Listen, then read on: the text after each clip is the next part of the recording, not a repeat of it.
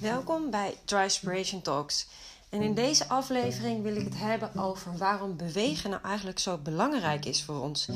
En waarom het dus eigenlijk heel goed is dat jij zo lekker bezig bent met trainen.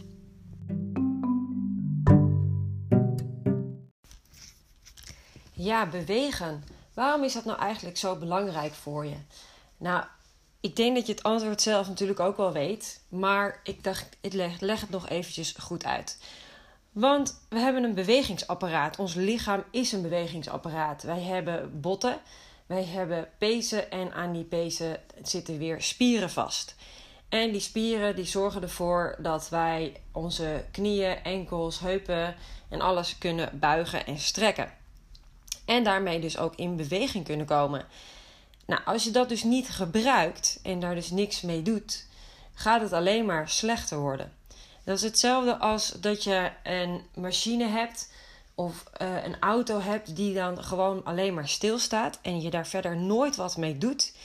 Ja, dan als je dan de eerste keer weer start na misschien een paar jaar stil te hebben gestaan, dan kan het best zijn dat die nou, een beetje roestig is en uh, slecht opstart, de motor het ook niet zo goed doet. En het dus een tijdje duurt voordat alle olie goed gesmeerd is door die hele motorsysteem heen. En je dan pas misschien een keer goed kan rijden met die auto. Nou, zo werkt het ook in het menselijk lichaam. We hebben zeg maar ook dat bloed, de bloedvaten dat door ons lichaam wordt rondgepompt. En onze hart, de spier, is ook een spier. En als je die niet af en toe inzet en af en toe iets mee doet, wordt het alleen maar slechter en slechter. Dus als jij, wij worden allemaal ouder en als jij dus fit oud wil worden, dan is het dus handig om te zorgen dat je in beweging blijft. Nou, dan kan je op verschillende manieren gaan bewegen. En uh, in Nederland hoor je wel eens de term van, dat is er ook een hele reclameactie over geweest van beweeg 30 minuten per dag. En eigenlijk bedoelen ze daarmee in die 30 minuten dat je je hartslag hoger moet brengen dan 80% van je maximale hartslag. 30 minuten per dag. En eigenlijk zouden we 6 uur per dag moeten bewegen.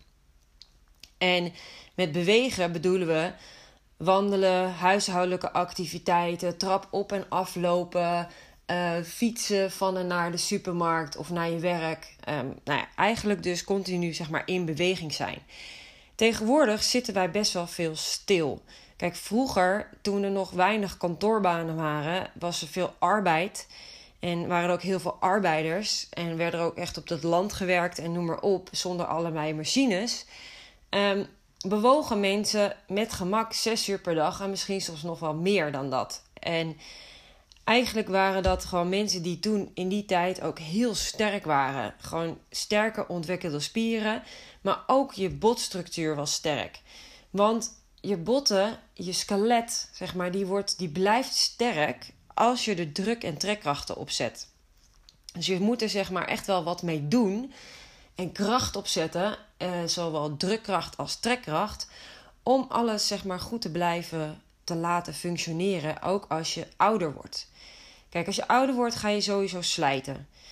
We hebben, gaan allemaal artrose krijgen en we gaan allemaal botontkalking krijgen. Alleen bij de ene persoon, die merkt dat ook echt. Die heeft er echt last van. Die heeft echt klachten. En er zijn ook heel veel mensen die ouder worden en nooit die klachten gaan ervaren. Maar we slijten allemaal. En eigenlijk begint dat al vanaf dat je uh, tien jaar bent, ga je eigenlijk al de slijtage in. Dus tot je tiende bouw je enorm veel op. En ben je heel erg in de groei. Ook je hersenen zijn heel erg in de groei tot je tiende. En op een gegeven moment gaat het bij je hersenen zo dat je uh, dingen die je niet doet en dingen die je niet gebruikt en dingen die je niet uitvoert, die schakels in je hersenen, die worden dan uitgeschakeld. Dus als jij bijvoorbeeld nooit tegen een bal zou aanschoppen, dan zal je daar binnen in je hersenen ook gewoon niet goed in worden. Dus Um, en dan zal je later, als je volwassen bent, wel het een en ander weer kunnen oppakken en het weer kunnen leren. Maar je zal nooit meer zo goed kunnen worden dan als je dat op je achtste of negende uh, heel veel had gedaan. Daarom is het ook zo belangrijk bij kinderen dat ze um, niet zozeer specifiek worden in één sport, maar eigenlijk alle sporten doen. Alle vormen van beweging is gewoon voor kinderen super belangrijk. En pas als ze tien zijn of iets ouder, kunnen ze zich specialiseren in een sport.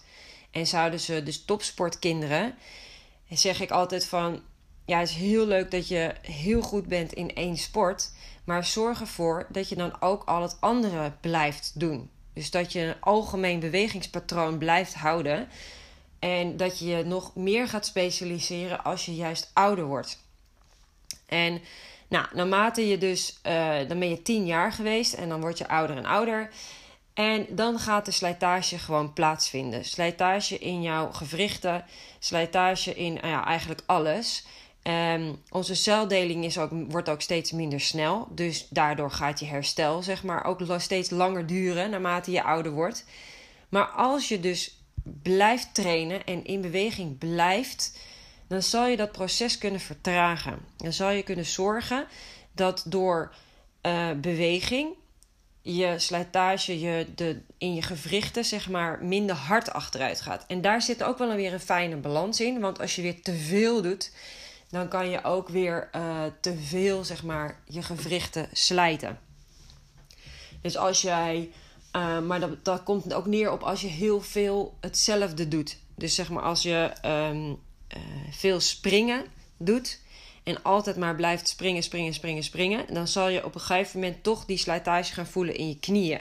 En dan heb ik ook bijvoorbeeld met hardlopen. Als je alleen maar zou hardlopen, dan gaat het uiteindelijk alleen maar effect hebben op je slijtage, die uiteindelijk ook harder gaat.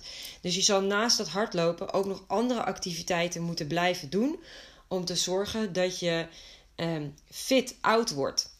En tegenwoordig zijn die topsporters uh, hebben ook ontdekt dat het dus bijvoorbeeld heel goed is om krachttraining te doen. Dus wielrenners doen dat, hardlopers doen dat, uh, zwemmers doen dat. En dat heeft dus allemaal te maken met dat ze en sterker worden. Dus die spieren worden sterker, die pezen worden sterker, de aansturing wordt beter.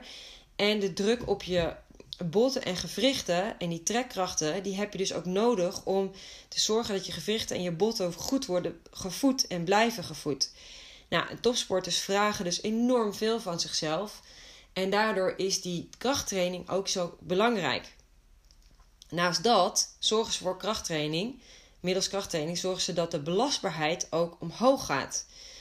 Waardoor ze dus weer beter herstel hebben en misschien ook harder en meer kunnen gaan trainen.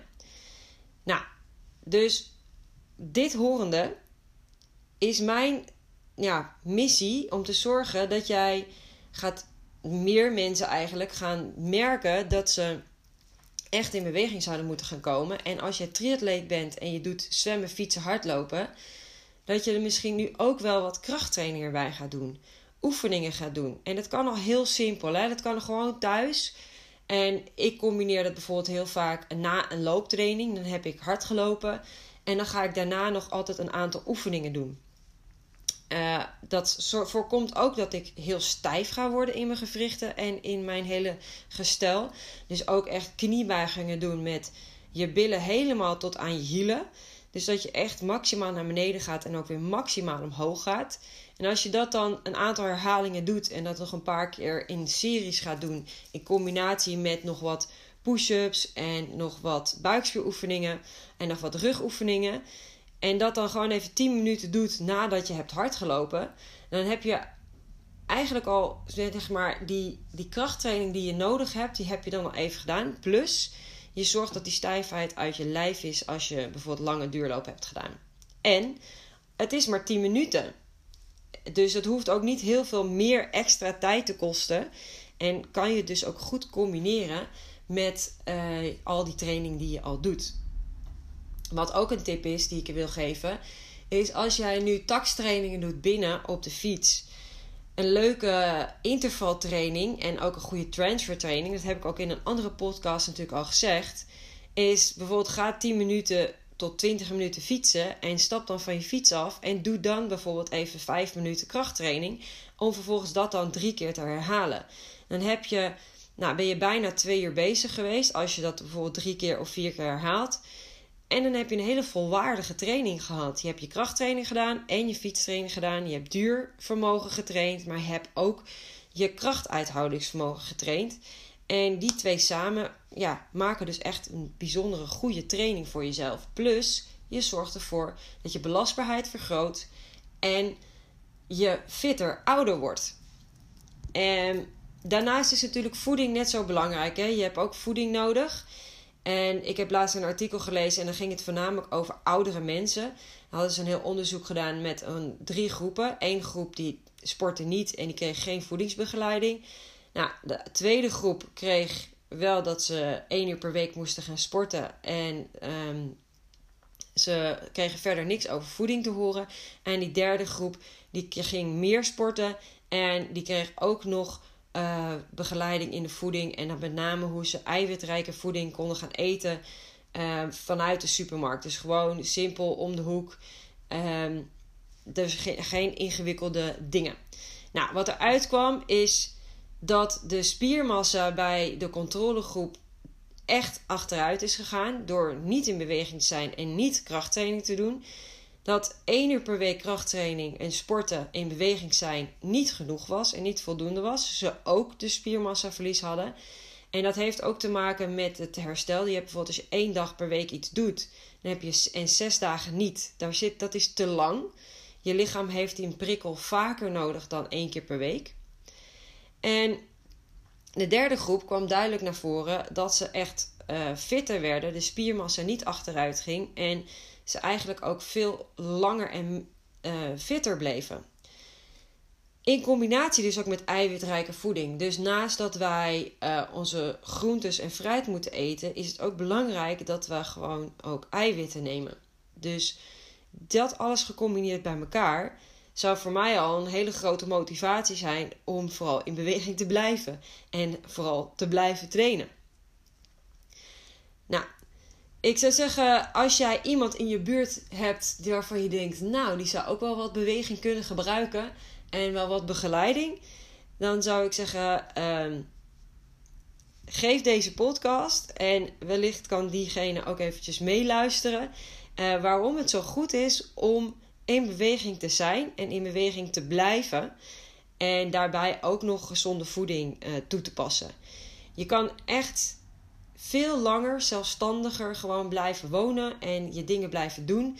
Want, en dat heb ik in de triathlonwereld ook gezien, hè, dat 60, 70 en zelfs 80-plussers gewoon nog in staat zijn om een triathlon te doen. En dat zou gewoon moeten kunnen. Dus, maar dat begint met dat je dan op jonge leeftijd al uh, meekrijgt dat bewegen goed voor je is. Nou, ben je die twintiger of die dertiger en nu luistert en denkt: ja, ik zou eigenlijk nu ook wel uh, wat moeten gaan doen en wat meer moeten gaan doen. Dit is je moment, dit is je kans. Want dan ga je echt, uh, als je het onderdeel maakt van je leven, dan ga je echt gewoon zoveel winst boeken. En los daarvan is het ook nog eens heel goed voor je hersenontwikkeling.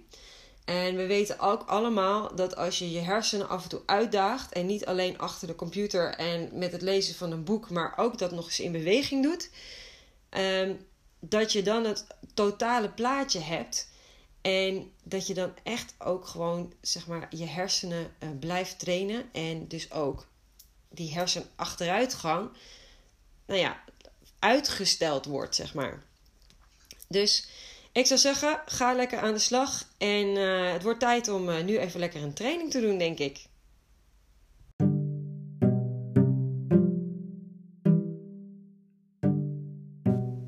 Dank voor het luisteren naar deze podcast en deze aflevering. Mocht je hier nou meer over willen weten hoe je in beweging kan blijven en waarom dat zo belangrijk voor je is, ik geef een webinar in de maand december en begin januari. Meerdere mogelijkheden. Maximaal 30 minuten, want te lang stilzitten is ook niet goed voor je. En in die webinar ga ik dus meer tips geven, actiepunten geven en hoe je dat nog meer kan integreren in jouw leven. En aan het einde ook nog even een toffe challenge.